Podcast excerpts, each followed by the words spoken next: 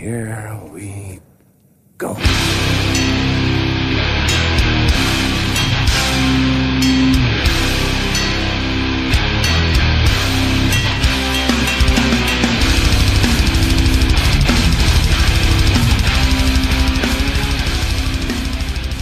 Då, säger jag eh, välkommen till avsnitt 93 av Nere på Noll Podcast. Jag, Robin Lindblad, sitter här med Danne Nätterdal, Tack för att du fick komma hit. David Olsson Tack, tack. och med oss ända från Sigtuna, Peter Falkenäng. Tack så mycket. Svinkul att du har tagit dig till lilla Örebro. Jättekul att vara här. Eh, och det är där vi ska eh, götta ner oss i idag. Eh, Peter har ju skrivit en bok som heter Sigtuna-scenen. Eh, och där finns ju eh, som tidsdokumentet över Sigtunas hardcore-scen på 90-talet. Och, Ja, som, som jag beskrev det, den mest väldokumenterade skildringen av denna hardcore-doldis. Det är inte ofta man har så dålig förhandskoll på ett ämne känner jag. nej, Mycket nya akter här att gå igenom. då är det ju nice att vi har en Nestor med oss här som ska reda ut det. Men vad fan, vi, vi börjar väl som i vanlig ordning med lite feedback på förra avsnittet. Det var ju eh, avsnitt 92, den om Millencolin. Ja, det var ju, det var ju jävligt kul. Så de, måste jag säga att de bjöd ju till. eh, Otroligt. Och det, och det kraftigaste, höll tempot uppe i nästan fyra timmar och vi eh, tog på ganska, ganska Ja, bra. det, det, som, eh, det, det roligaste som kom ut av det, det var ju de här bilderna som Erik grävde fram från Beer Bong Olympics som man kan kolla på våran eh, Facebook-sida i kommentarsfältet. Extremt tajta, eh, tajt fotograferat, eh, hela eh, utstyrseln och allt det där. Och sen släppte ju Millen också SOS dagen efter där som man kan gå in och lyssna på. Fan jävligt bra. Ja, Ja, det är, nog, det är nog få personer som har, har missat den låten, för den har ju roterat flitigt på alla håll och kanter känns det som. verkligen. Ja, det bådar ju jävligt gott inför för kommande platta. Jag såg att eh, det hade dykt in lite feedback också på mailen. Det var Yxan som mejlade och frågade kan ni inte alltid spela in i Millens studio? Det var första gången på länge som det låter som att Nätterdal inte sitter i ett badrum och snackar. Eh, det var väl eh, stativens förtjänst kan vi säga, för det var ju fortfarande vår utrustning. Men... Men det var ju något superljudrum. Ja, exakt. Just det, ja, det- Väl... Eh, Det sa jag att vi skulle ta kort på, men det gjorde vi aldrig. nej. Men det är ju futuristiskt, alltså det är ju som att kliva in i... Han som hade designat det var ju någon ljudkille. Allting var ju gjort för att få det optimala ljudet. Det märktes. Eh, och sen så säger han också att grymt avsnitt oavsett. Jag, eh, jag, har allt, jag ser alltid att ni hör, gör avsnitten så långa som möjligt och skiter i alla poddnormer om max en timme. Och det har vi väl cementerat här med våra... Vi bevisar och fel, är det 10 timmars avsnitt? ja, exakt. Eh, jag vet inte, kom det in något på, eh, på ert håll mer? Det, det roligaste var, var ju att våran kompis Mangel hörde av sig och sa att det var han tillsammans med David Engsell den, jag måste säga halvkända svenska skateboardåkaren eh, som, som hade bus, eller busringt, de hade ringt och tiggt stickers till Kolas farsa och sedan blivit kopplade till, till festen. Ja, just det. Det var ju roligt. Och du sa ju här innan att du också hade ringt hem till Kola, Peter. Ja, precis. Vi, eh, vi försökte ju få dit dem till eh, Sigtuna. Och eh, jag tror båda gångerna så svarade Kolas pappa och att Kola stod och duschade båda gångerna. Det, ja, det är också jävligt kul. Eh, ja, nej men det finns mycket gött att gå in och läsa där på fejan om man vill. Jag vet inte, ska vi hoppa in på Hänt i veckan då kanske? Vi var ju lite korta förra, förra veckan, så det är mycket som inte har snackats om. Eh, Den stora nyheten då var ju att Alone in the Crowd eh, hade annonserat en reunion. Benefit-spelning för gitarristen Howie som är... Han är eh, Någon mystisk sjukdom, stackarn. Eh, De gjorde ju den här... Benefit släppte ju en limiterade tröjor om sjua. Och nu ska de då följa upp med ett... Det är väl första reunion-giget ever. Åh fan. Men de har ju tre låtar eller? Ja, de har ju fyra låtar. Jävligt bra låtar, men Jävligt bra. ganska kort set. Men man vet ju också att sångaren Jules körde ju i eh, Side by Side Mm. innan. Och det är ju ett annat av de absolut största banden som aldrig har spelat. Eh, Och det är även medlemmar från eh, Killing Time och Uppercut. Så om man tar sig till Philadelphia i februari så finns det en ganska stor chans att man får se... Side by Kan, side. kan vara en, ett par låtar av de banden också. Eller också blir det ett jävligt kort set. Eh, mer då från den här Bobblehead-trenden. Eh, det är ju då Bob 2 från Devo som nu också ska bli Bobblehead. Eh, så det lär väl eh, gå rätt mycket pre-orders där med. Eh, verkar vara en trend inom punken. Ja, verkligen. Jag vet inte, jag tror inte vi snackade om det på, på band. Men du Robin tipsade mig om att det hade kommit en eh, Rabies plastgubbe. Och jag känner, jag känner att jag kan inte liksom ta på mig några mer laster här och bara samla på plastgrejer. Men jag var ju ändå jävligt sugen. Men du får köpa en 3D-skrivare. Ja, exakt. Skriva ut dem. Jag kan ju säga, jag har ju köpt den.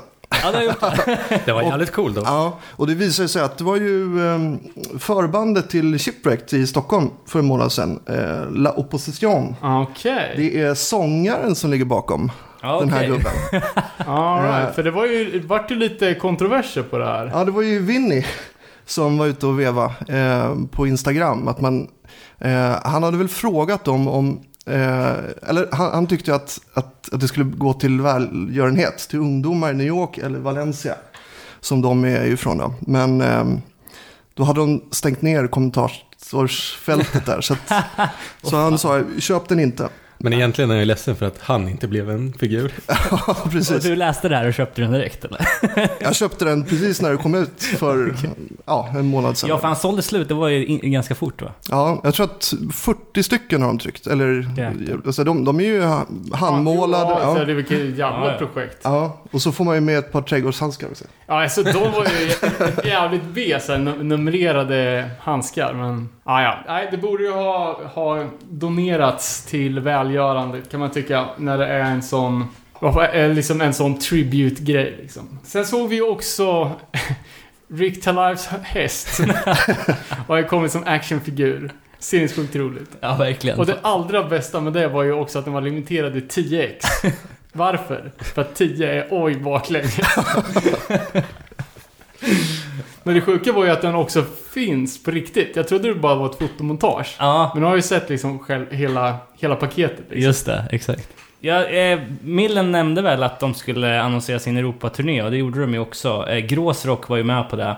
Eh, och det är ju första året nu, 2019, som de går tillbaka till att vara liksom en riktigt stor festival. De hade ju eh, lite eh, ledarbyten där som gjorde att de tog ner det under eh, 2000. Mm 18. Right. Um, men nu är de tillbaka full force, boka Jawbreaker direkt. Asfett, de har vi snackat om i poppunkavsnittet. Eh, Millen, Dropkick, Bowling for Soup nämnde ju vi eh, här för några veckor sedan, Texas-avsnittet. Och eh, ja... Eh, är det någon hardcore också? Eller? Ja. Eh, det kommer ju vara 200 band, så de pytsar väl ut allt eftersom kan jag tänka mig. Jag, det skulle inte förvåna mig om Higher Power kommer med på den här. Eller Trapped Under Ice. Ja. Mm. Eh, men det är ju något att se fram emot i alla fall. 26 till 27 april i eh, Belgien igen. Eh, sen även då en eh, stor turné, är kanske inte superrelevant för oss, men intressant att det händer. The Hives och Refused gör USA tillsammans. 18 maj till 25 maj. Eh, någon slags Swedish Force Tour. Ja, Ska inte Refuse släppa en ny skiva också? Ja, det är mycket möjligt. Jag tror jag att... tror att jag såg bilder att de spelar Ja, in någonting. precis. Ja Hives jobbar ju fortfarande på att tjäna tillbaka pengar så att de kan betala sin Betala 20 Cardigans. 20 miljoner skuld till Cardigans. Stackarna. Eh, på, återgå till reunions då. Det var ju ett av de mest spridda fotona på Instagram för någon vecka sedan. Minor Threat återförenade på trappen till Discord-huset 35 år senare. Och eh, det var ju Brian Baker som hade lagt upp den helt utan någon kommentar. Det börjar ju spe spekuleras ganska vilt i sociala medier om... Ja, det här är ju bandet som, eh, som kanske ligger längst ifrån en reunion av, av de flesta. Men ja, det skulle ju bli världsmigration till den spelningen. Kontinenterna skulle ritas om om det skulle hända. Men, vi har ju pratat om det också på... Eh, Imekai är med på listan bland de topp 10 rikaste punkarna. Så att det känns ju kanske inte som att det, det är eh, ett, eh, någonting som de behöver dra in pengar på. Nej, Och så är det ju en man med extremt stor integritet också. Och eh, man tror att är inte riktigt 100% lojala till sina, sina etos. Så att eh, det kan bli svårt. Eh, och, och på det så fick vi också ett tips från eh, vår vän, den nakna punkaren. Eh, Jakob Riter, sångare i nystartade Hysteri. Eh, att eh, vi borde göra en egen variant av det här. Eh, Ramones, tillbaka mot tegelväggen 40 år senare. I form av då en kista och några unor. Eh, jag vet inte vad är roligt i teorin? Kanske lite ma- makabert. Makabert. det känns som att det kan bli folkstorm. Oh, the, uh, Ramones. Vi fick ju kritik här för att vi sa The Ramones. Nu kanske jag gjorde det igen, jag vet inte. Eh, hur som helst, jag lyssnade på Turned Out to Punk med Thurston Moore. Eh, säger också The, The Ramones.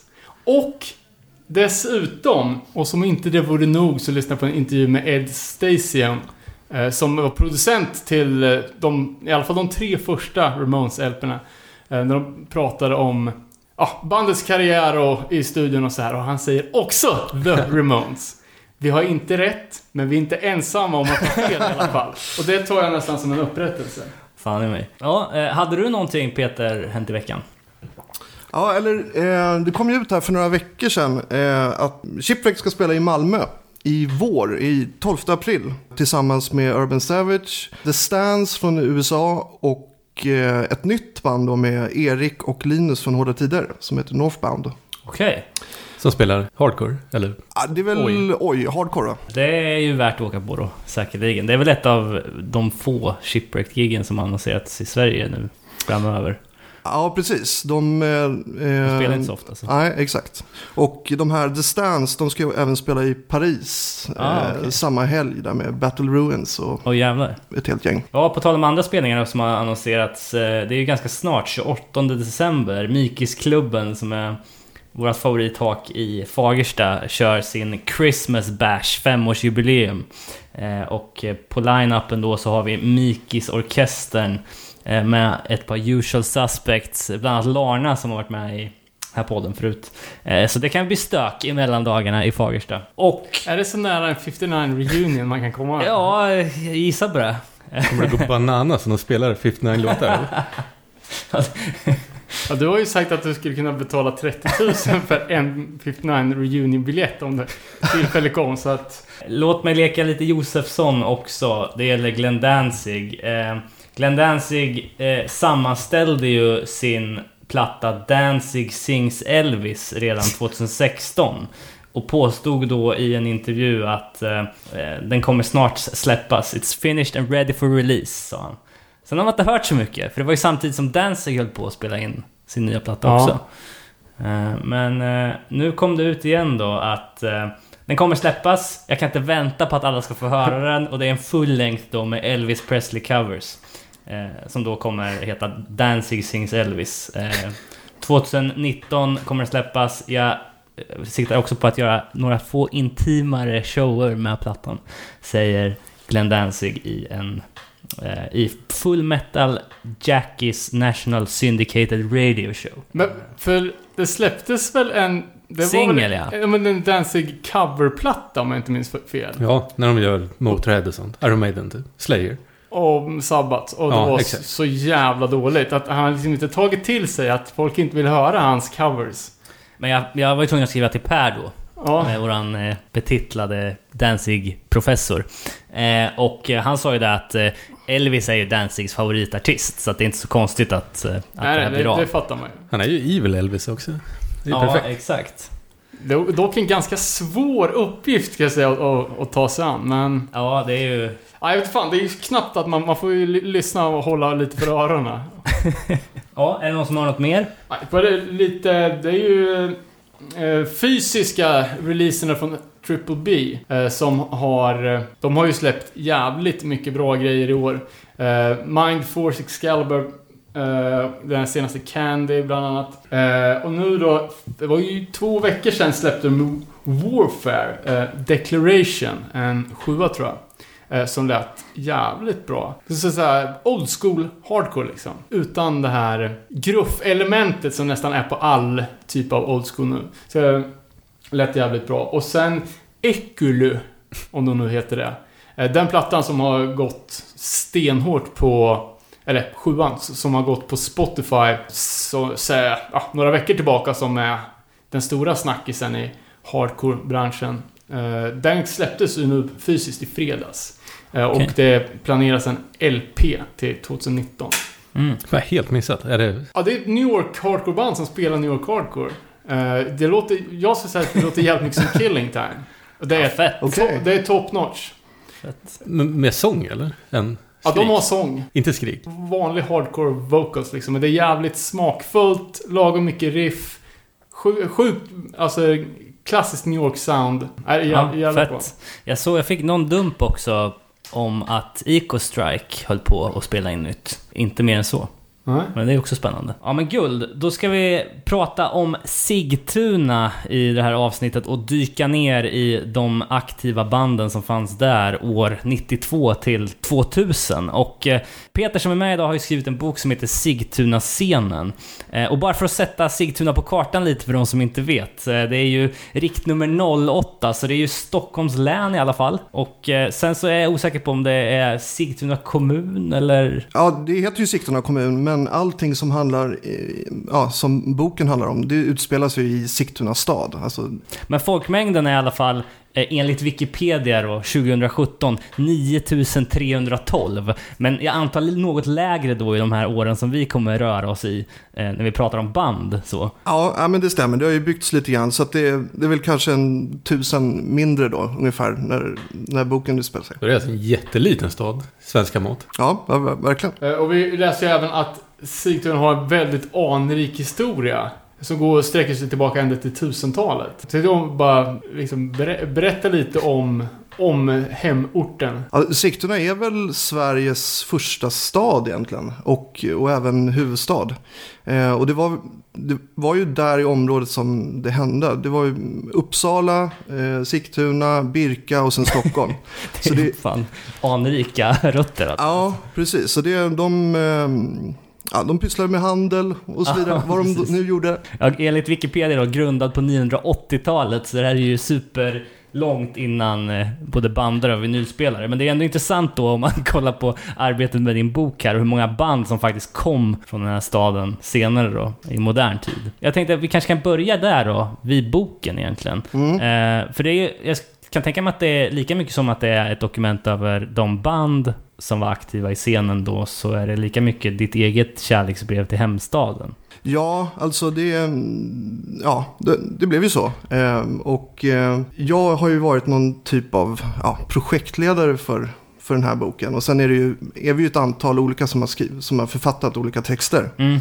Eh, och, och det har ju, ja, vissa har liksom haft sin grund i skateboard, andra i windsurfing och så vidare.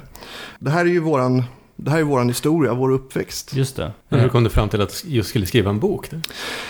Nej, det var så där att det, på den tiden då, det här är ju, det är ju rätt många år sedan, vi släppte den ju 2008.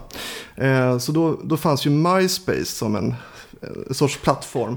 Eh, så det började ju med att, att jag fixade en sida där egentligen. Och, och samlade ihop lite bilder och några band och sådär. Så att- och då liksom kom den där idén om man skulle göra någonting mer faktiskt och liksom dokumentera det här. Och tanken från början det var väl kanske att göra ett fanzine eller något, någon enklare variant. Men sen så började jag prata med min gamla kompis Daniel Svenfors då, som är grafisk formgivare.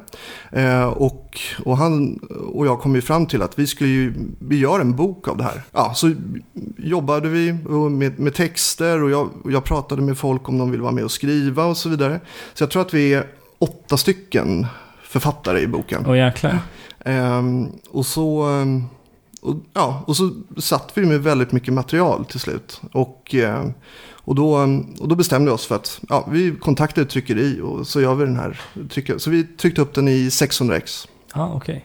Ja, Men det är också ga- ganska intressant för just de här åren, eh, i alla fall i mitt liv så är det ju liksom en mörk period i så... I den meningen att jag har inte ett enda foto som jag har tagit själv från den här tiden. Liksom, ja, såklart innan digitalkameror och sånt här. När man kollar den här boken, att det är så väl dokumenterat. Ja, och det kommer nog ifrån att, jag menar vi fotade när vi skatade. Eh, och sen är det ju samma personer då som börjar spela i band. Och då, de som fotade skate, de börjar fota kon- konserter. Jag menar, och flera av dem som faktiskt har fotat i boken, de, de jobbar ju som fotografer idag. Så ja, att, ja eh, okej. Men det måste ju ändå varit någon som fick springa ner i morsans eh, gamla garage och gräva i några flyttkartonger för att få fram. Liksom. Ja, absolut. Och det, men det roliga var att ja, nästan alla hade liksom några bilder. Eh, Ah, okej. Så det, det är därför vi har liksom kunnat täcka en ändå så pass lång period. Och hur lång tid tog det att göra den då? Från idé till hålla den i alltså, handen? ja, det- jag tror... Det, det var ju faktiskt så att vi hade gjort klart i princip hela boken och så kraschade våran hårddisk som vi hade den på. Oj. Så att eh, det grafiska fick vi faktiskt göra om en gång. Eh, men Dan, jag, tror både jag och Daniel, eh, vi sa det att den blev faktiskt bättre andra gången. Ja, Eh, det var ju tur men det. alla texter och sådär, de, de, de var sparade. Så att de, det var lugnt. Ja, men det är ändå bra att inte ge upp utan att ge det... Det känns ju annars som att det skulle vara upplagt för att Ja. det skulle rinna ut i sanden om de Paniken. Ja. Ja, men jag, jag tror, alltså, två och ett halvt år ungefär tog det ja, att färdigställa. Om vi ska snacka lite sociologi då. Eh, Sigtuna, så här, ryktesvägen känns det som ett ganska välbärgat område. Eh, hur, alltså, det, det, ja, men ett, som ett övre välmående medelklasssamhälle. Ja, och det, så är det ju. Och det är också li, lite intressant liksom med liksom hur... Ja, vi kollar nu på... Jag vet inte hur många band det är som nämns i den här boken, men det ju- måste ju vara uppåt 100 punkband från, ja, men från ett kanske inte klassiskt punkklimat. Liksom in, ingen så här bruksort. Har du någon tanke på hur, hur det kommer sig? Nej, alltså, alltså det grundades ju i att vi skatade och äh, åkte skateboard. Ja, Som alla gjorde typ på den tiden. ja, jag skriver ju i boken också att eh, det som är också väldigt speciellt för Sigtuna det är att de, jag menar, i varje klass, det var liksom hälften hade ju föräldrar som jobbade på Arlanda. Eh, antingen på SAS eller något annat flygbolag eh, eller på på Arlanda och gjorde någonting. Det var ju alltid någon, efter varje sommar så var det ju någon som kom med nya intryck, en ny skateboard och, och så vidare. Så att eh, vi fick det ju liksom den vägen. Intressant som du sa, vi pratade om hur väl dokumenterad bildmaterialsmässigt boken är liksom. Eh, du nämnde David att eh, i Motala så fanns det många band när du växte upp också, men typ inte en enda bild från den tiden liksom. Det kanske finns i någon källare eller något, men inte... Nej, eh, men det var inte bara eh, bilder som togs, utan även videomaterial, vilket var lite unikt för den tiden kanske. Eh, Ja, precis. Jag menar, det, och det var ju återigen, då vi filmade när vi skatade. Ja, okej. Ehm, jag vet inte, det kanske inte var så vanligt att man hade filmkameror då. Men är, har ni gjort någonting av det också? Jag tänkte, bilderna hamnar i boken. Finns, eh, finns det några filmade gigs på YouTube eller så? Nej, det ni finns... skatefilm? Jag, Ja det, Ja. fin- Det är för ja, ja, det finns lite material och, liksom, och ett, så här, tre, fyra alltså, riktiga skateboardfilmer. Ja. Okej. Och jag, jag minns när vi hade den här MySpace-sidan, då hade vi lite klipp från dem uppe. då tyckte man kanske att det var bättre än vad, det, vad man skulle tycka idag. Men ska vi ta och gå in lite på då hur du, du kom in på punk Mm. egentligen? Alltså vi pratade om, du skejtade själv från början. Eh, och det var där själva crewet formades, eller? Ja, alltså vi, vi var ett gäng. Jag säger att jag var 10-11 år när jag började åka skateboard. Och, det var ju, man tittar ju på skateboardvideos för att, för att lära sig tricks. Och, eh, och, och i skateboardvideorna så var det ju punkmusik. Mm. Så det var ju Operation Ivy, Subsociety och sådär i H Street-filmerna som var liksom det hetaste just då. I, ja, i slutet på 80-talet. i början Danne nickar nostalgiskt här. Ja, men precis. Det var ju precis samma sak som vi pratade om för två veckor sedan med Millencolin. Ja, just det. Precis samma intryck liksom här i Örebro. Som det som verkligen formade. Men jag har fått en känsla av att och, eh, och Millencolin lyfte upp Matt Hensley som den som skateguden så att kanske Sigtunas största hjälte var Jason Lee. Vad tror du om det? Ja, jag håller med om det. Absolut. Det fanns ju en video där med Sonic Youth i, till eh, ja, någon låt på Dirty-skivan som även Jason Lee var med och skatade i. Och det där var ju, det kändes som att det var, det var vi. Ja, men när den videon kom så då var ju det typ så nära en skatefilm man kunde komma.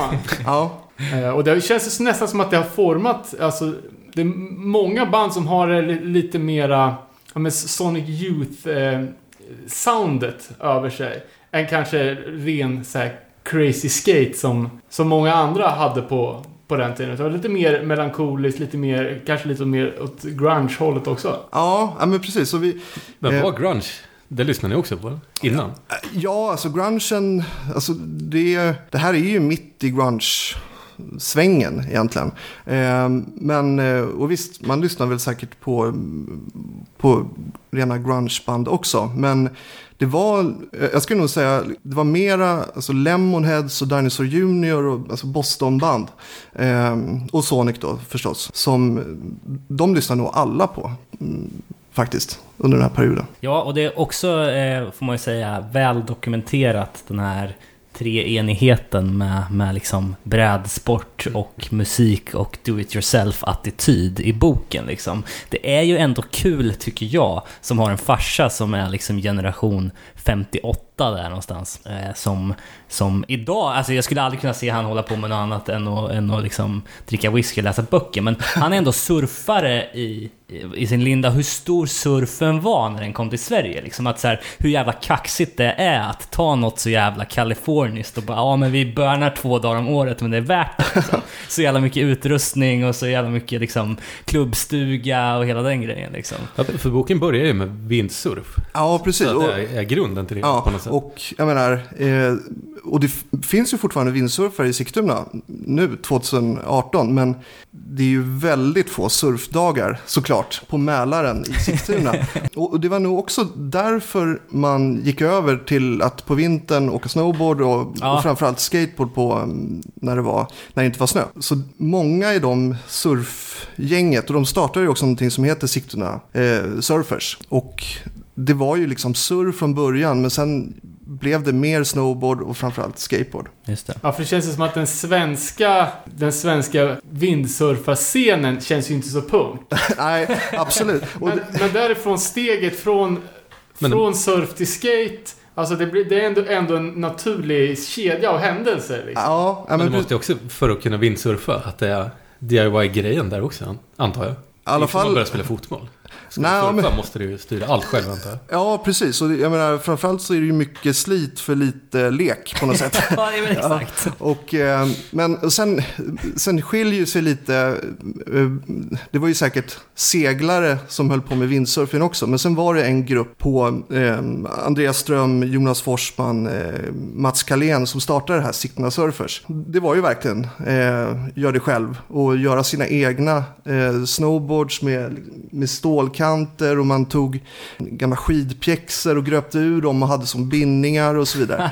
Så, och, och det där gick ju vidare till eh, skateboard sen och bygga ramper och, och hela den biten. Coolt. För när snowboard kom liksom till Sverige, det kändes alltså nu är ju snowboard minst sagt väl etablerat. Men från början när snowboarden kom så var ju, alltså värsta rebellerna i backen liksom. Ja men, det var ju De så... satt, satt där liksom. Ja men vad, folk som, alltså man ser typ när Trasher hade ju sur, eller, eh, snowboard i, i tidningen på den tiden. Och då var det ju liksom folk som körde med jeansjacka och det, det var ju... Ja, det var ju liksom outlaws. Ja men det var ju i princip förbjudet att åka snowboard i början. Eh, Ja, det också. För att man, det såg för farligt ut. Eh, men jag, jag vet att de här grundarna till Sigtuna Surfers, de hade ju kontakt med Jake Burton, då, som, Burton är, som är ett av de absolut största märk- snowboardmärkena. Eh, och de skickade ju ritningar till varandra. Eh, och det här är ju pre-internet. Ja, så, att, okej. eh, och liksom, så de bollar ju idéer. De var ju på samma nivå på något sätt. Ja men vad fan, då har man ju ändå etablerat lite den här treenigheten. Om vi ska gå på då, eh, liksom när, när det började dyka upp band i Sigtuna, liksom, vad var... Gick du i högstadiet då, typ, eller? Ja, precis. Och eh, de första banden var ju inte alltså, den typ av punk som vi lyssnade på och såg i skatevideos. Utan det var faktiskt andra som startade de första banden som var, ja, det var ju liksom 77-punk. Men var det, alltså fanns det en punkscen när punken kom till Sverige? Eller var det här senare? Ja, Jag vet att det, det fanns eh, ett, ett par band, liksom fem band kanske i Sigtuna, som släppte skivor. Det var någon som släppte på Pet Sound som var kopplade till skivbutiken Pet Sounds. Ja, okej. Eh, Green Gallery eh, hette de. Eh, och de, de, de spelar väl en viss typ av punk. Vi visste inte riktigt vilka de var. De var liksom för gamla för oss. Eh, det var ju inte några kompisar till oss. Så. Nej men det är ju liksom ett, verkligen ett generationsskifte liksom. Precis som det var på alla andra ställen liksom att det som kallas för hardcore. Så, som är ett jävligt brett begrepp, men att det var liksom en ny generation som tog vid. Ja, precis. Och, det, och även fast de där första banden, att de, och de skatade inte heller eh, som vi gjorde. När de, och då, ja, då förstod ju vi att ja, vi kan ju också göra det här. Och, så då, då började vi som höll på med skate och, och började repa med band. Just det. Och då växte ju det här fram som på 90-talet ändå var rätt så alltså utbrett i Sverige. Det blev liksom en scen i Sigtuna som, eh, vad ska man säga, det var som en bubbla egentligen. Får jag intrycket av när jag läser din bok. Ja, jo men så var det. Och vi, Ja, men hur, ja, men hur, hur kommer det sig? Liksom, det låg mitt, mitt i, i, i smeten. Var det så pass bra och frodig scen som att man inte behövde liksom kuska runt för att gå på gigs? Eller, Nej men det... eller var det liksom brist på kommunikation? Liksom? Eh, Samtidigt som Sigtuna är, det är ju nära Stockholm. Det är ju det är 30 minuter med bil. 3,5 mil eller något sånt där. Men dels så var många av oss var nog för unga för att gå på spelningar i stan till okej, exempel. ja. Och det gjorde vi ju såklart sen när vi blev lite äldre. Men eh, och det blir lite... Det fanns inte så mycket annat att göra. Det är liksom lite isolerat ändå att bo i Sigtuna. Det är ju på landet fast. Men vi hade, vi hade massa replokaler, vi hade massa skateboardramper. Så därför, vi hade det vi behövde där. För boken börjar ju med liksom en, en karta och det är så väldigt litet geografiskt område men det är ändå uppmärkt liksom olika viktiga platser. Fanns det liksom små scener i de olika bostadsområdena eller var det liksom en enad scen? Nå, det, det var en enad scen, det, det måste jag säga. Men, och eh, och det, det är ju så pass litet att områdena, man är ju fortfarande granne med nästa område. Ja. Så, och, För, för, för i Örebro, det fanns ju också ganska mycket band i, i min generation. Precis, ja men liksom när, jag vet inte fan, när Burning Heart hade drabbat Sverige liksom och folk, alla började lyssna på hardcore och punk liksom. Men då var det också så här att, vet du, ja Brickebacken, de hade sitt sound, de var lite mer influerade av NoFX. Sen fanns det liksom av eh, området där jag, där jag hängde, vi kanske var lite mer inne på som hardcore hardcore. Ja. Det fanns ändå så här olika stilar som var, som var populära i de olika områdena. Ja, och, men det kan nog bero på att vi hade ju våra replokaler på, på gymnasieskolan och på högstadiet. Och det finns ju bara ett gymnasium, det finns bara en eh, högstadie Ja, okej, i Sigtuna. Och det var ju där vi samlades. Och, men det hade absolut kunnat varit så om det var fler skolor, det tror jag. Eh, som var liksom kopplade till an, ja, olika områden. Men var skate och musik den ska man säga, dominerande kultur? Det var det folk pysslade med eller? Var ni nog freaksen som... Nej, alltså det kan ju känna... Nu så här, när jag tänker tillbaka så kändes det som att det, alla höll ju på med det, men så var det ju inte riktigt. Folk alla, spelar fotboll Alla som och... räknade. Ja, ja, precis. Men sen de som inte skatade och de som inte spelade band, de gick ju ändå på spelningarna. Och eftersom det var kopplat till skolan och det var Lucia-rock eller om det var någon festival eller något sånt där, så då, då var det ju alla som gick på gymnasieskolan som eh, kom dit. För, för någonting, nu har vi ju liksom fått lyssna in oss på eh, massa olika band. Och något som slår en är att det är så vitt skilda stilar rent musikaliskt. Ja, Liksom, identifierar sig folk med hardcore? Eller var det liksom att man mer spelade musik? Nej, vi, vi hade ju en grund i, liksom, i punk och hardcore ändå. Men sen tror jag att jag tror rätt många kände så att de ville utvecklas och liksom göra någonting annat. Man kanske hörde ett nytt band och det här skulle jag vilja låta mer som. Ja, så gick man vidare och startade ett nytt band. Och jag tror väl, och, och det här, liksom, det är ju, om, om vi tänker på vilka band som faktiskt var de, de största banden just då, det var ju Earth Crisis, Snapcase och så vidare. Och det var ju inte någon som lät som, som dem egentligen. Nej. Men då kände nog vi sådär att det här är ju, det är ju lite gjort. Så att vi vill göra någonting mer. Eller annat. Mm. Ja, nej, för jag tänkte när jag växte upp så de flesta kom ju in eller liksom via Burning Heart, Refused, Millencolin och så här. Eh, Och just under att, ja, men tänk eh, om Cheap Shots var ens första skiva. Då hade du en samlingsplatta med allt från Breach som är total kross till, inte vet jag, Chickenpox. Ja, det var typ min första skiva. Ja, men du ser. Ja, men, och då, för, för alla som kom in på det då, då var det under paraplynamnet Hardcore. På affischen så stod det Hardcore-spelning. Men det var Mindjive. Exakt. och liksom att folk eh, varken visste eller brydde sig om liksom vad... Alternativ musik. Ja, allt, allting var ju, var ju hardcore liksom. För så är det ju typ inte nu. Då får du välja nästan. Du, du, hiphoppare, då lyssnar du på... Eller så här, trap. Då lyssnar man bara på det här. Eller bara beaten, eller bara det här. Då lyssnar man ju på allt som var inom en viss... Ja, och ändå så fanns det någon, någon sorts logisk... Att det- Riktlinjer. Ja, men det, ändå hängde det ihop. Fast Ja. uttrycken och eh, kidsen var ju jävligt olika. Liksom. Ja, och sen var det ju så att ja, på en konsertkväll, och det- säg att det var fem, sex band som spelade, då är, och så var det ju väl på, i, i de flesta scener att någon spelade ju flera band. Sådär. Och, eh, och därför, om man spelade i ett, ett ja, renodlat hardcoreband, men man också, spelade också i något typ av indieband, så stod ju de också på affischen så att säga. Ja.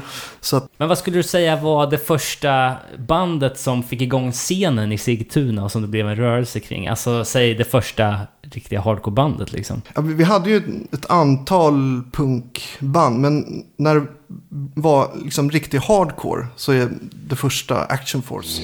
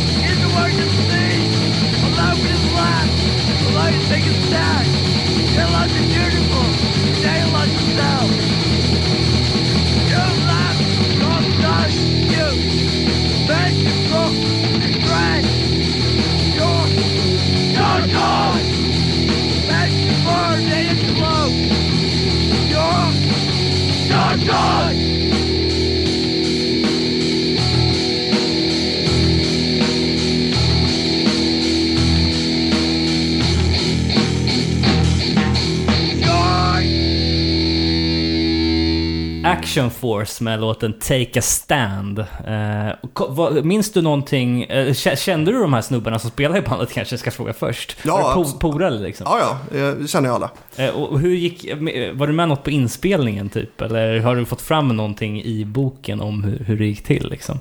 För jag kan tänka mig att liksom bara under den här tiden, hur får man tillgång till studio? Vart repar man liksom? Vad är det som lägger grunden för det? Ja, men alla vi gick ju på Sigtunaskolan, eller SSHL, som är, som är en internatskola. Där hade vi dels replokal, men också en studio att spela in. Precis bredvid skolan så hade ja, Svenska kyrkan hade en, någon typ av eh, lokaler som vi också spelade in i. Men fram, vi repade framförallt eh, på skolan. På internatskolan liksom? Ja. Hur kommer det sig att folk gick på, på internat då? För det första så är det den enda gymnasieskolan i Sigtuna Ja, stad. okej. Ja, då fick man, man, fick man inte välja. Nej, men man kunde också välja att gå i Märsta om man... Men de, det var mera de, så praktiska linjer. Okej. Ja, som allra, allra flesta gick ju på, på Sigtunaskolan. Eh, men det är ju ett internat då, så att hälften av eleverna, de bodde ju på skolan. Eh, och vi andra, vi var, ja, kallades dagelever. Det var ju många av eh, ja, de här banden, det var ju internatelever också. Fan, det låter ju helt underbart. Ja, eller hur? Bara spela, spela band och bo på skolan när man går på högstadiet. Ja, verkligen. Eller kanske på gymnasiet. Ja, skitsamma. Ja, men det här är så- Kän- Känns som att det är upplagt för totalt kaos. Men, och, men eftersom man bodde på skolan och, eh, och även var där på helgerna så var det ju väldigt mycket sport Ehm, och bra idrottshall och allting sådär. Men de som inte höll på med sport och kanske höll på med musik så byggde de liksom upp det med en bra studio och sådär. Det var ju lite att, att även faktiskt locka elever till skolan att ha det här med replokaler och Och det var aldrig något snack om att, eh, jag menar, att det var liksom för skramligt, om man säger. Alltså att börja spela superdistad punk liksom. Att, jag tänker att det kan bli en clash där om ni dansar in i en frikyrklig studio och börjar liksom spela in. Eh, nej, det, det, var, det var helt okej.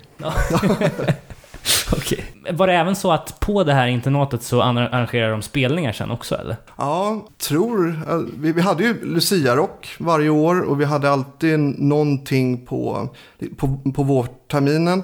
Men sen även så var det ju rätt ofta att det var, då hette det humdanser, att, ja, ett disco då. Eh, och där kunde också band börja kvällen. Så att det var liksom två, tre band som lirade. Eh, och då var ju liksom, det var ju aulan, det var ju fullt med folk och sådär. Men det var väl kanske framförallt de här Lucia-rocken och eh, det fanns någonting som hette Miljögruppen som arrangerade de här festivalerna. Och såklart, alla som var med i Miljögruppen, det var ju, det var ju punkarna. Men så bokade ni några typ Earth Crisis eller band utifrån? Eller var det bara... Nej, nej, utan det var, det var, det var vi, Sigtuna band. Sen, sen eh, så fick vi liksom kopplingar till eh, några Uppsala band. Wallride till exempel som eh, eh, Christian som är med och skriver i boken. Eh, han eh, spelade där och, de, och han kom från Uppsala och så började han på gymnasiet då. Eh, och även eh, band från Enköping och spelade. Men inte, nej, vi, vi, vi bokade inga. Det var inga turnerande som stannade i... Nej, precis. Men vi, Ja. hade, ju- vi hade ju fyllt lokalen kan jag säga. Ja, det, det är intressant. Vad skulle du säga besökarantalet? För du sa ju att alla som, alla som bodde i Sigtuna var på gigsen. Liksom. Hur många var det som var? Alltså, Nej, Lucia-rocken. Ja, Lucia-rocken var ju på skolan och det, säg att vi var en 450-500 elever och de allra flesta gick, gick på det där. Ja. Så då, då var det ju fullt eh, såklart. Sen arrangerade vi spelningar på någon fritidsgård och på någon annan lokal och då ja, säg att det var en ja, 150-200 pers på en vanlig spelning. Det är ändå andra tider. liksom. Men det är alltid fascinerande att höra, för det är liksom så jävla skillnad mot en annan som har gått på spelningar sedan 2006, 2005, och sånt där. Och det är liksom de där nivåerna på, på en mitt i veckan-spelning eller vad det nu kan vara, ett Ja. lokalband. Det finns ju bara inte. Liksom. Men man, man får ju komma ihåg det att det fanns ju inget Nej, annat att göra. Nej, alltså det nej, fanns ju exakt. inget internet och sådär. Så att det här, det var ju, alla gick ju på det. Ja, ja, men just den här kombinationen som aldrig kommer komma tillbaka. Nej. Av disco och spelning. Det var, ju, det var ju inga konstigheter. Det var ju så det var. Liksom. Ja, exakt, exakt. Om man säger Action Force då, eh, vad, vad liksom blev resultatet där? Liksom att, eh, var de eh, ute och spela också i landet? Eller var det koncentrerat till Sigtuna? Ja, ja, men de, de spelade ja, i Stockholm och mm, sådär, Vita huset och mm, 44 såklart. De var väl egentligen ett av de banden som, som började spela i Stockholm och, och även Uppsala. Jag, kom, jag vet att några band åkte upp till Östhammar då, som ligger i norra, norra Uppland. Eh, och, och spelade där. Och det, det var väl egentligen att då börjar man få liksom, koppling och prata med andra band i, egentligen. Och om Action Force var först så sen, sen spelade ju alla band i, i, ja, i Stockholm och runt om. Ja, och en, om man pratar om lite andra band från Sigtuna då. Du Peter har ju haft några egna band. Eh, bland annat Harm Done. Var, Inte franska. nej, Nej, precis. Man ska ju inte... eh, Det är ju Alexis som är på Straight on Alert som även har bandet Harm Done. just det, just det. Men när, när drog ni igång det? Vi drog igång det, vi började snacka 93 och så körde vi igång 94. Och det Och vad var... gjorde du? Spela bas. Det var egentligen, ja det är Daniel Svenfors då som har varit med och gjort boken. Ehm, han och Kalle Larsson startade ehm, bandet. Och det var nog, alltså från början så var det nog mer alltså ett skämtprojekt. Ehm, eller ja, inte så seriöst. Men sen eh, kom jag och Henrik Norén med. Henrik spelar trummor. Ehm, så ja, vi körde igång eh, våren 94. Och vad var det för stil på det här bandet? Ja, det, det var väl skate, eh, skatepunk. Ja. Vad var, det, vad var det just som fick er att liksom välja skatepunken? Alltså, hade ni lyssnat mycket på, på andra svenska skatepunkband på den tiden? Eller var det bara liksom så det blev? Det här är ju ganska samtida till exempel med Millencolin. Ja. Eh, och eh, och jag menar, vi hade ju lyssnat på, det var ju Operation Ivy och NoFX Ja, och Lagwagon och sådär. Vi försökte likna det. Och det kan man ju känna också nu när vi har lyssnat på lite Sigtuna-band, att just NoFX känns som att det hade väldigt stort inflytande på, på många band liksom. Ja, överhuvudtaget, alltså de banden, NoFX, ä- även Face to Face Mm. ehm, och, och Propaganda var otroligt... Det var, alla lyssnade på Propaganda under den perioden. Fattar ni då från start att, hur politiska de var? För det tog ju för oss i alla fall säkert ett par år innan det sjönk in att de, att de hade liksom... Ah, de hade ju texter som var ja, men så mycket seriösare än till exempel NoFX och Lagwagon. Ja, jo men det, jo, men det, eh, det hajade vi, absolut. Och, och om jag ska komma till mitt andra band som jag startade, eller eh, spelade med efter Harm Done som heter Jurisdiction. Mm. Vi, eh, vi, vi hade väl tanke att vi skulle låta typ som eh, Beastie Boys, alltså när de spelade punk. Okej. Eh, Beastie Boys och Face to Face. Och sen, sen var det ju väldigt politiska texter. Och det var ju propaganda i I Spy som vi... Okej. Eh, och det var, ju, det var ju djurrätt och jämställdhet och mm, allt det där. Och det var ju ändå... Det startade vi 95. Men ju- just influenserna om djurrätt och, och sådana saker. Eh, det var mest via, eh, via propagandiskt texter och andra band i den genrens texter som ni fick de intrycken. Hur var liksom själva den aktivistscenen i Sigtuna? Jag tänker, fanns det en straight edge scen? Fanns det... Ett AFA-kapitel. Ja, Ja, precis. Ja, men det, det var... Jag menar, alla var ju vegetarianer och sen även veganer. Alltså vi pratade ju djurrätt och vi...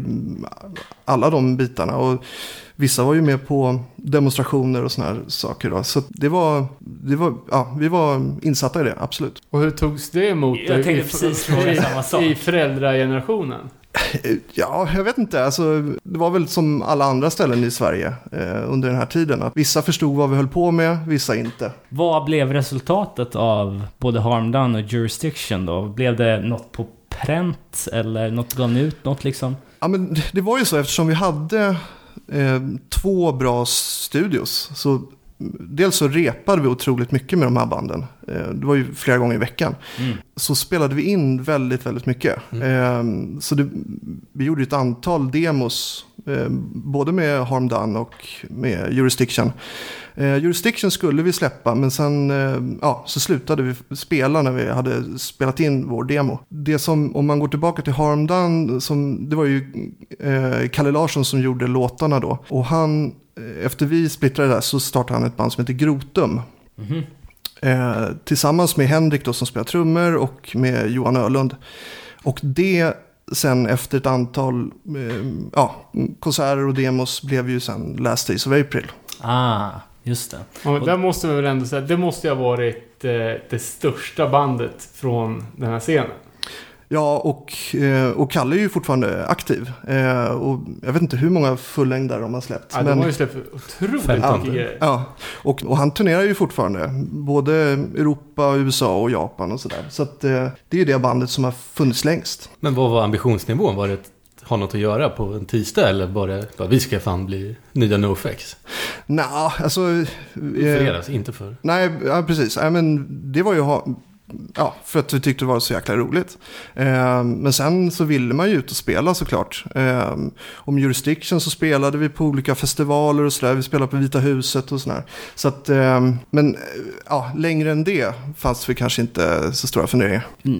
Om du tänker tillbaks på den där tiden då, liksom, eh, hur, hur bra koll hade ni på andra städers hardcore-scen? Liksom? Fanns det, kom, kom det några signaler uppifrån Umeå eller kände ni till Linköping eller? Umeå känner man ju till såklart. Med Refused Abenanda och sådär. Eh, och kanske inte, faktiskt inte så mycket från Linköping. Sen då Stockholm.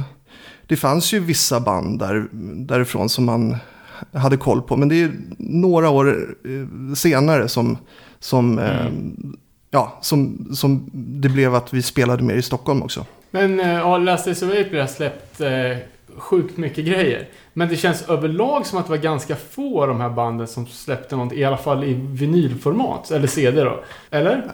Ja, ja, men det stämmer. Vi kan gå vidare. Efter Action Force så, var ju, eh, så bildade de ju Last Match. Eh, Lukas och eh, eh, X-Skog och eh, Dan Askren från Action Force. De började att spela med Last Match. De släppte ju En, en sjua. en sjua. Ja, Och den fanns ju i varenda distro där. ja precis. Ja.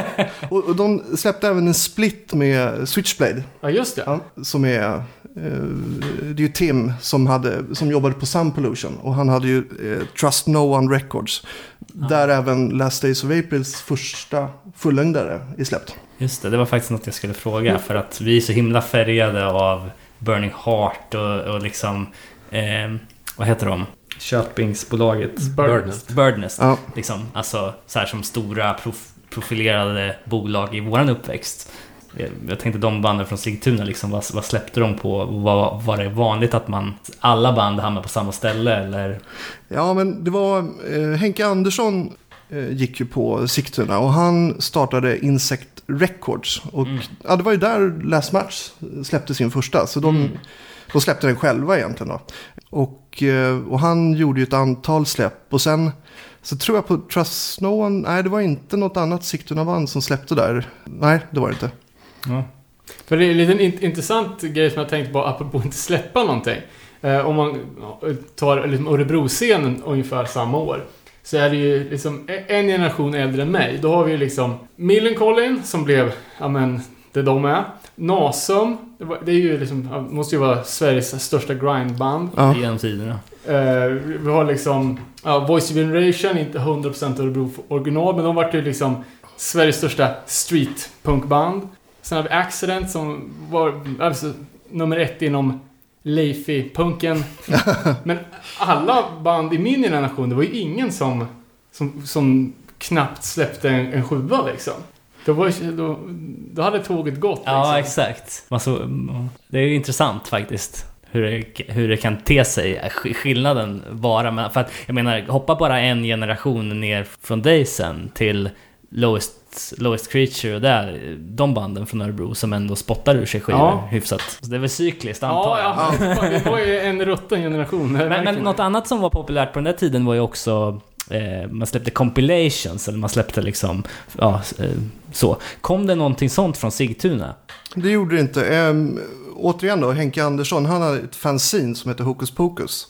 Och eh, han, han släppte någon samlingsskiva, om jag minns rätt. Ehm, och där var lite Sigtuna-band med. Och även eh, ett band som heter Smudgeman från Sollentuna som vi lyssnade på en hel del på. Ja, okej. Var det de som bjöd på rökheroin eller har vi blandat ihop det? Ja, det vet jag inte.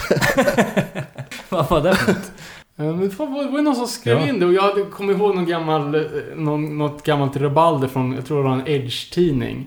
Att de på skämt hade skrivit på posten och som vanligt så bjuder vi publiken på rök. på skämt då såklart. Och så vart det kaos. Jag tror det var dem. Fantastiskt. Men hur snappade ni upp ny musik då? Åkte till Stockholm och köpte en CD i veckan typ? Eh, Ja, alltså, alltså från början så då läste man ju liksom i Trasher-tidningarna vilka, vilka band de skrev om. Eh, och Och var fick ni Ja, dem ska ifrån? få... Alltså, det var ju samma sak som man beställde par... Statoil? Nej, men, ja, men man beställde ju typ dojor från USA. Och- Som tog tre månader att få. Och samma sak var ju med skivor. Men sen så gick ju vi på det som hette då House of Kicks eh, Ja. och CBR i, i Stockholm. Eh, men sen återigen det här med att eh, många var i USA på somrarna och sådär på semester. Närheten till Arlanda. Ja, och, ehm, och då, ja, då kom man ju hem med skivor. Jag tänkte, ja, det, Ja, ja, men det är nog lite unik, eh, alltså att, att folk kunde få grejer direkt från, från eh, the motherland. Liksom. ja, exakt. Men eftersom det är pre-internet blir det så jävla upp. Sigtuna, då är det en grej som flyger. Här lyssnar vi på det här, har de här kläderna. Motala, då är det en helt annan grej. Typ, då ska man ha de här skorna, eller då ska du ha Ja, de här ja. kläderna, den här mössan. Ja, exakt. Det fanns ju ingen, ingen eh, transparens. Fast inga i- i allt. influencers som Nej, kunde nej. påverka det. Ja, det är fan intressant alltså. Eh, Men, men, var det något man som man absolut inte... Typ, det där bandet lyssnar vi inte på här. Ja, det fanns det säkert. Ehm, jag kan inte komma på riktigt nu. Men det var, alltså trallpunk har jag aldrig flugit i, i, i Sigtuna. Men det var nog också för att vi kom liksom från skate-svängen. Så, så kunde vi inte få ihop det med trallpunk. Nej. Ehm, så, Men alla här lite äldre grejer typ Minor Threat och Black Flag ja, allt sånt, allt lyssnar vi på. Jag skulle nog säga att, alltså det finns ju ett antal band, så här Lemonheads och Dinosaur Junior, som, de spelar ju indie, men de kom ju, Lemonheads var ju ett punkband från första början. De släppte ju på Tang, och Jay Meskis hade ju hardcoreband innan Dinosaur. Så vi var ju rätt orienterade runt Boston. Eh, och det kan man ju märka sen att det, är ju, det finns ju ja, SSD och Slapshot och så vidare. Just det. Just det. lyssnade på, på dem, den sidan av Boston Hardcore också. Ja, det kom. Det var inte det vi började lyssna Nej. på. Men eh, absolut sen liksom i slutet på 90-talet. Ja, och sen så, eh, något annat som var intressant också som vi började med att prata om Action Force, vi hamnade på Last Days of April.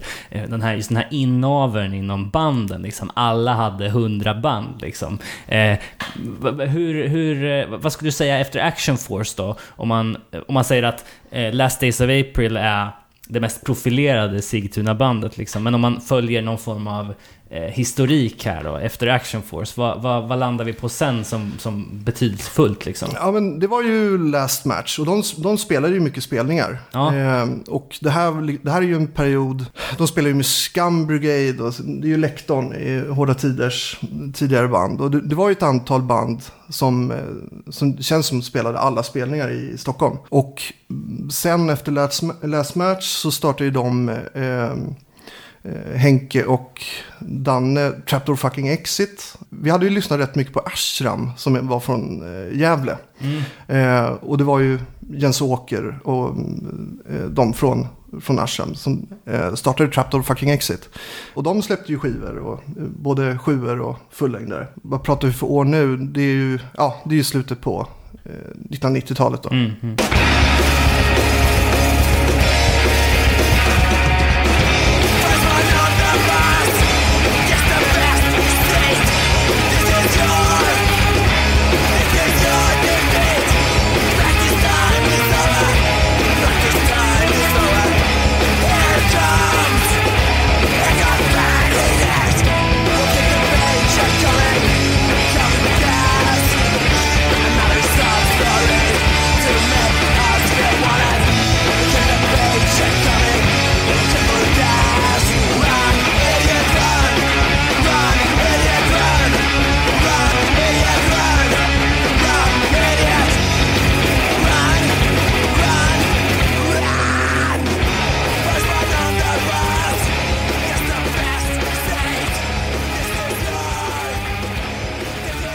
Var Trapdoor Fucking Exit med låten Run Idiot Run.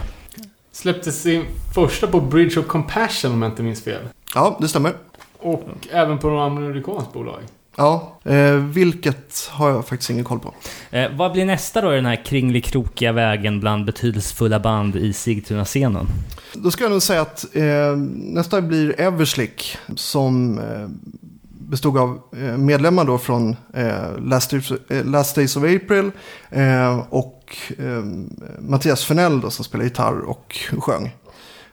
Och, de, och han hade även ett eget skivbolag, Worston Records, Okej. som de släppte då en split-skiva med Stockholmsbandet Stopgap. Mhm. Alltså det är ju, det är ju skatepunk. Ja, det hör man ju nästan på namnet. Ja, verkligen. Men jävligt kul. Alltså, texterna är ju roliga. Vi lyssnar på låten eh, The Hating, eller vad, heter den? Alltså, det handlar om att dejta, men också om att Ja. hejta. eh, och, eh, ja, fan den är så jävla bra så jag tycker vi spelar upp den, för den är...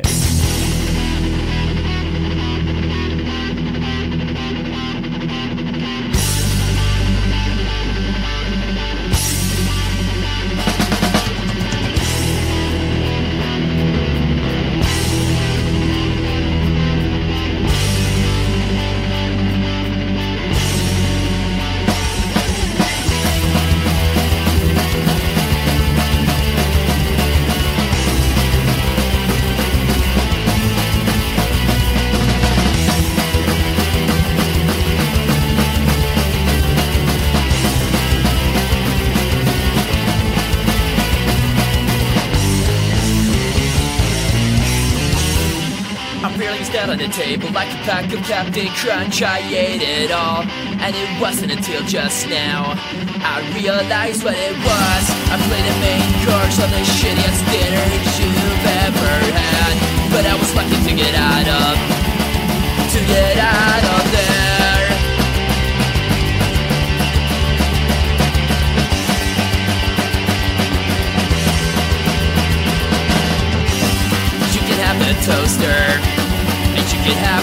keys.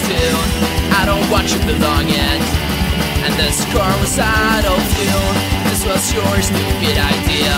Is this just how you feel. I was lucky to get out of. I'm getting out of here.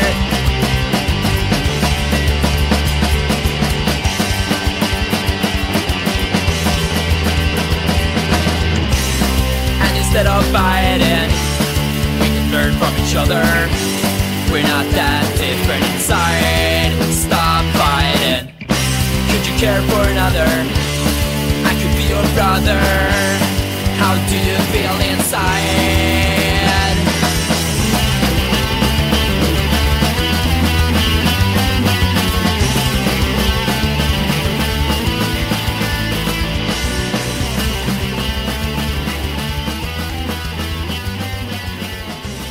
Ja, Everslick alltså med, med, jag vet inte hur man säger, dating. Dating eller hating, Ja. dating. Eh, men man, hör ju där att det är så här frustrerade tonårs-lyrics och ändå så här, eh, ja men... eh, På no effects-nivå liksom. Ja. Även så här, det byggandet med gitarrerna och allt det där liksom. Jag, man är ju svag för det, det är bara att erkänna. Jag tycker det låter som Blink. ja. Ja, kanske det. Men sen eh, Mattias då, eh, tillsammans med två medlemmar från Stopgap, eh, Niklas Rosenkrantz och Leo under artistnamnet Cashflag, de, eh, de startade Dead Meat sen. Som, och, de, och Mattias släppte också eh, en sjua på hans egna bolag. Eh, Med Dead Meat. Ja, och, och det är ju mer traditionell mm, HC. Just det. Jag tyckte det var jävligt bra sång och jävligt kackigt trumljud. Men det var allt. Med, med stä, ja, precis. De stämda virvlarnas hemstad. Och, och där kan man ju säga att eh, här hade vi liksom gått ifrån att spela in i Sigtuna. Eh, utan de, det mesta som spelades in nu, det var i en studio som heter Subsonic i Upplands Väsby. Okej. Europe är ju från Väsby och deras John Norum då, för, eh, gitarrist där, han hade, mm, när, när inte han hade studiotid så kunde vi Sigtuna band hoppa in och spela in demos där. Åh fan. Fick man John Norum-soundet på det här då? Ja, men, och, och han som var producent då, Stefan Olsson, han, han står ju på, ja, på alla skivorna som är släppta under den tiden. Ja, okej. Och vad, vad kom de ut på under för flagg? Var det något speciellt bolag som... Nej, det är ju olika. Och, och, ja, Last Match spelade in där, eh, Mm. Everslick, Dead Meat.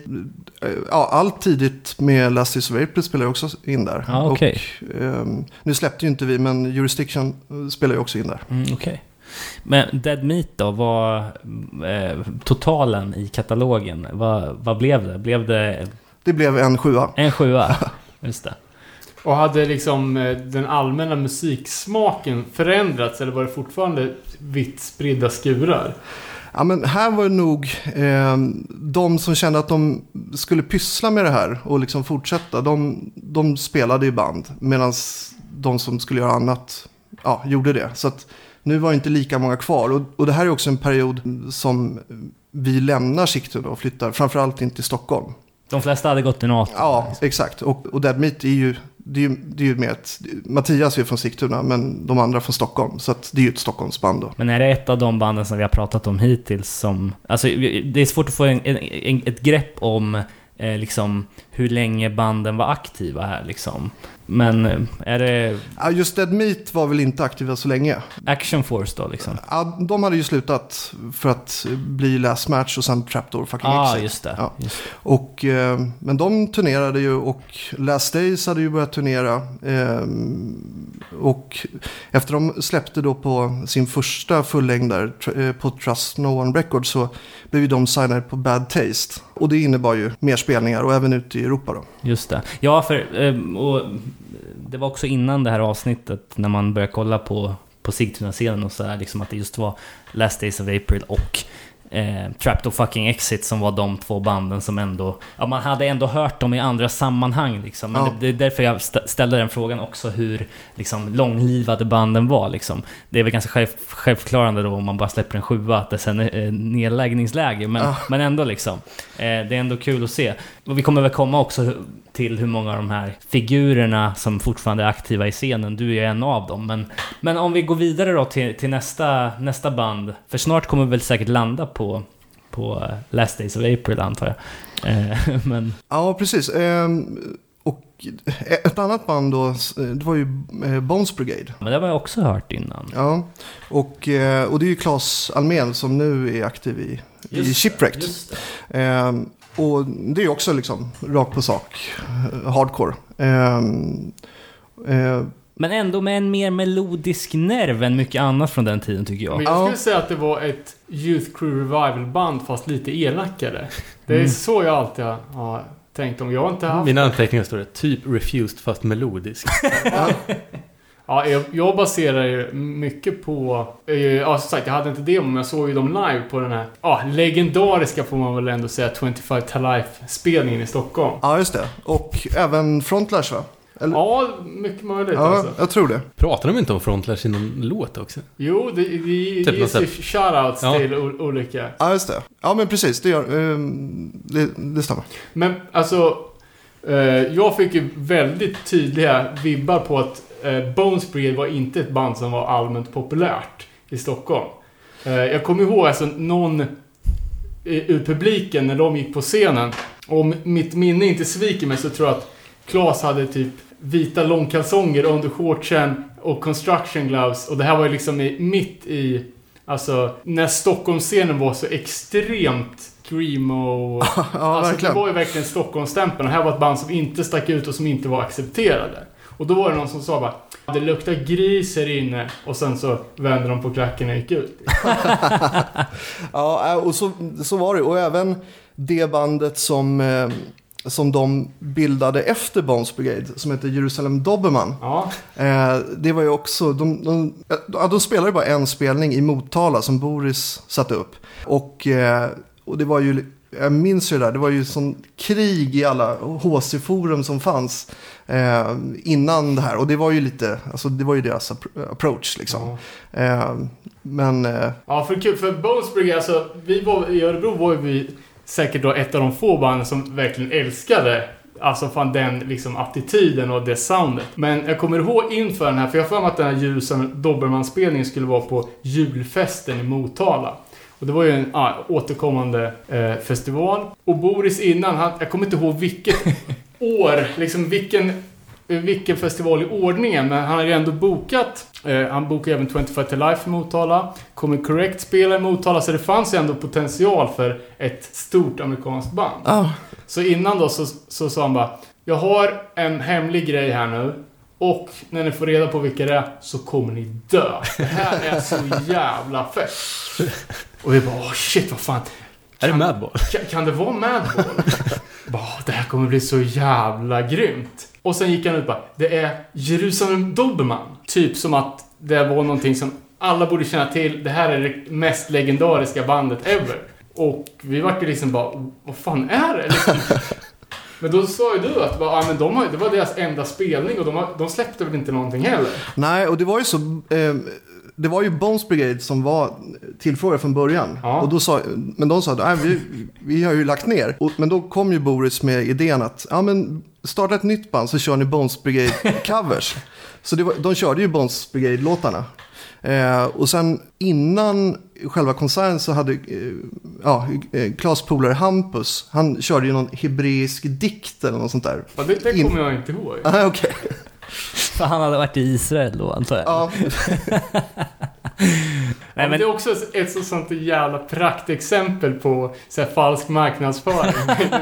och jag säger alltså, eh, absolut, alltså det var ju en bra spelning. Det var inget fel på, på det. Men just det här förhypen som att det här var liksom, det, det blir inte bättre än så här. Eh, Det enda jag kommer ihåg var att, att någon, jag för mig att han hade så här orange fängelse overall och långt hår. Det är, mm, eh, det är det enda jag kommer ihåg från den här giget. Ja, för att då, de hade ju bytt lite medlemmar då från Bones Brigade. Så att eh, gitarr spelade ju Rickard Dahlin som annars spelade i black metal-bandet Sorg.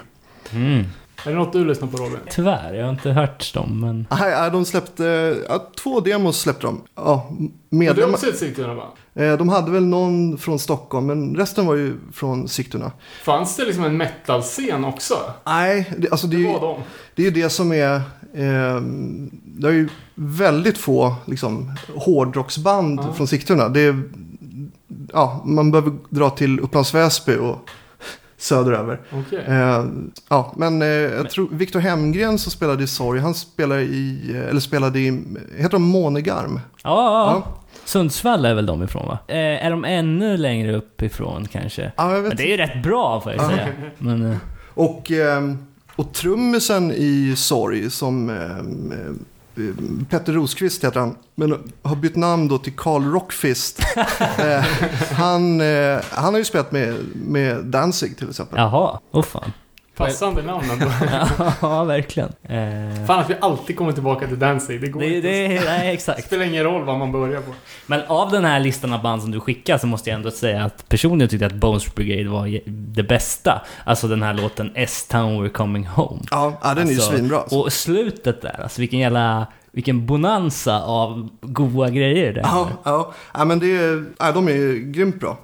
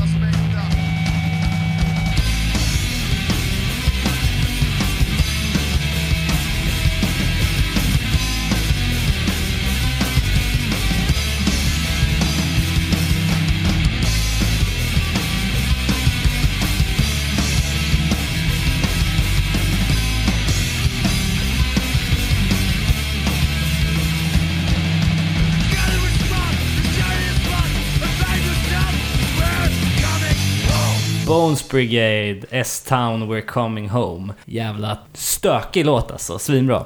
Jag skulle säga det att eh, Carl Rockfist, han har ju även spel, eller bildat The Chelsea Smiles tillsammans med Todd Youth då ifrån, ja, Ja, jävlar. Rest in Peace. Ja, Och de hade även ett band som heter Son och of Sam tillsammans. Jaha, okej. jaha. Eh, Med, vadå med eh, David Havok och det? Ja, Okej, shit. ja, det Du fan. gillar väl dem? Ja, ja, den eh, första skivan är ju svinbra. Det är ju en riktig...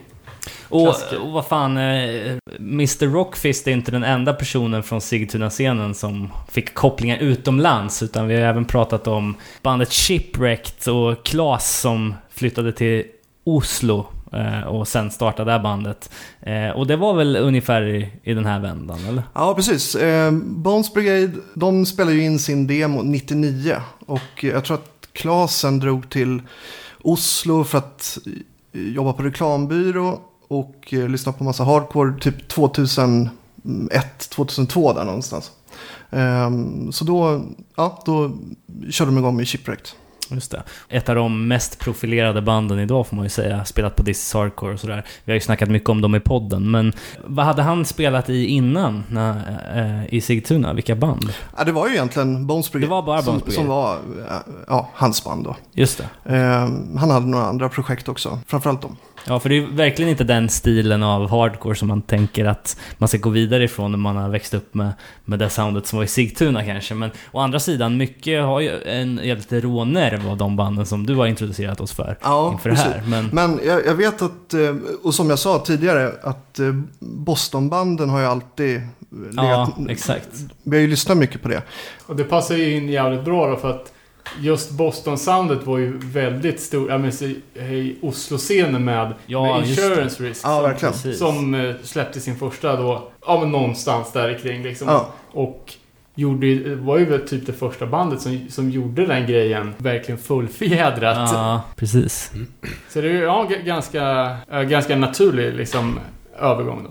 Jag tycker det är intressant också där, för nu pratar vi om Shipwrecked, fortfarande aktiva, hade en riktigt fet release-spelning här Mm. eh, för We Are The Sword. Vilka andra eh, från liksom Sigtuna-scenen är aktiva inom hardcore idag, skulle du säga?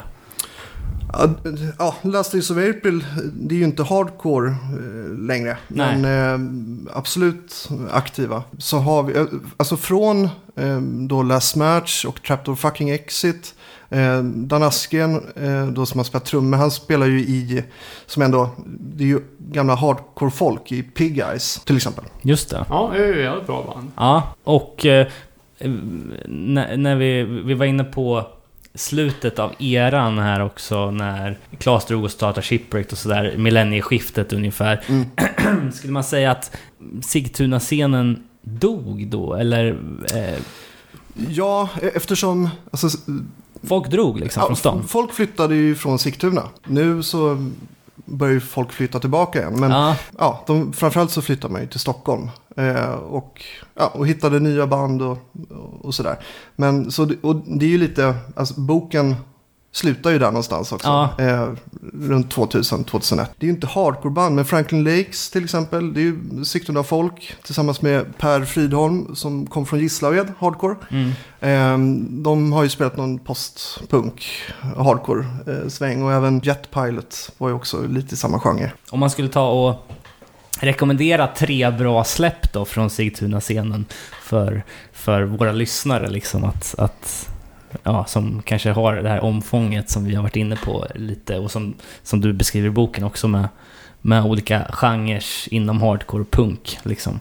Eh, vilka tre skulle du rekommendera då? Ja, men då tycker jag, om man inte har hört första sjuan från Last Days of April, eh, som är släppt på eh, Words of Wisdom heter de, med två låtar. Den, den borde man lyssna och den finns på Spotify och sådär. Och den är, var jävligt bra tycker jag. Ja, eh, vilket år är den ifrån? oj, den är, vad kan det vara? Typ 98 kanske? Eh, den här S-Town We're Coming Home-låten från Bones Brigade, vad, vad hette den releasen? Ja, det är ju bara en demo och den är ju inte, den är inte släppt. Nej, okej. Nej. Så den får man ner och gräva i någon slags arkiv för att Ja. hitta liksom. Får se, Det, vi det får... fanns ju en bra playlist på YouTube som du hade gjort. Ja, just det. YouTube? Ja. Ja, men lite... YouTube? Jag kan ju uppmuntra till att lägga ut lite mer om du har i, i gömmorna. För det är ju ja, ganska mycket band som, eh, som jag tror folk, folk där ute har missat. Ja, verkligen. Ja. Det är svårt, svårt att, att hitta grejerna också. Så får eh, sprida, sprida Ja. ordet. Och sen får vi se, det var ju... Det fanns ju en tanke att sätta ihop någon typ av samlingsskiva. Ja. Eh, som skulle följa med boken, men Ja, det, det föll bort. Varför projektet att göra en, en bok stort nog. Men det är ju alltid fett med, eh, med samlingar som eh, dokumenterar en, en viss scen, en viss era. Mm. Ja, eh, det tycker jag är så himla... Alltså, nu ska jag inte bli för... ge för mycket positiv kritik här, men det är det som är så fint med den här boken också, för jag tycker man öppnar den, man får ändå en känsla för en scen som man själv aldrig haft någon kontakt med liksom. Den fångar ju upp en, en, en känsla, en nerv, en liksom... Det är ju en, Ja. en historia. Ja, men jag tycker jag tror det ser ut så här i jättemånga svenska städer. Typ. Ja, Fast- här får man det på bild. Ja, och jag känner det- igen det här också. Fast Ja, men, och det här representerar ju liksom de, det som inte var Umeå eller Linköping. Nej, exakt, och exakt. I, ja, i, i mindre städer. Och det såg ju säkert exakt likadant ut. Och samma bakgrund i skateboard och så vidare. Ja, Det handlar ju om att bli vuxen just de här åren. Ja. Du går från 15 till 20. Den här tiden. Mm. Då gjorde du det här typ. Ja. Ja, nej, men så, så, så att den dokumentationen som har saknats på många andra ställen, liksom, att den fanns här. Men jag känner också att det finns, liksom, som jag varit lite förvånad över, ett annat ingångs... eller Liksom, grundförutsättning kan man säga. I och med att Sigtuna är en välbärgad övre medelklasskommun. Typ jag läste i något av förorden liksom att det beskrivs, ja men så den här, DIY-tänket. Hur det liksom beskrivs som ett driv, ett eh, entreprenörskap.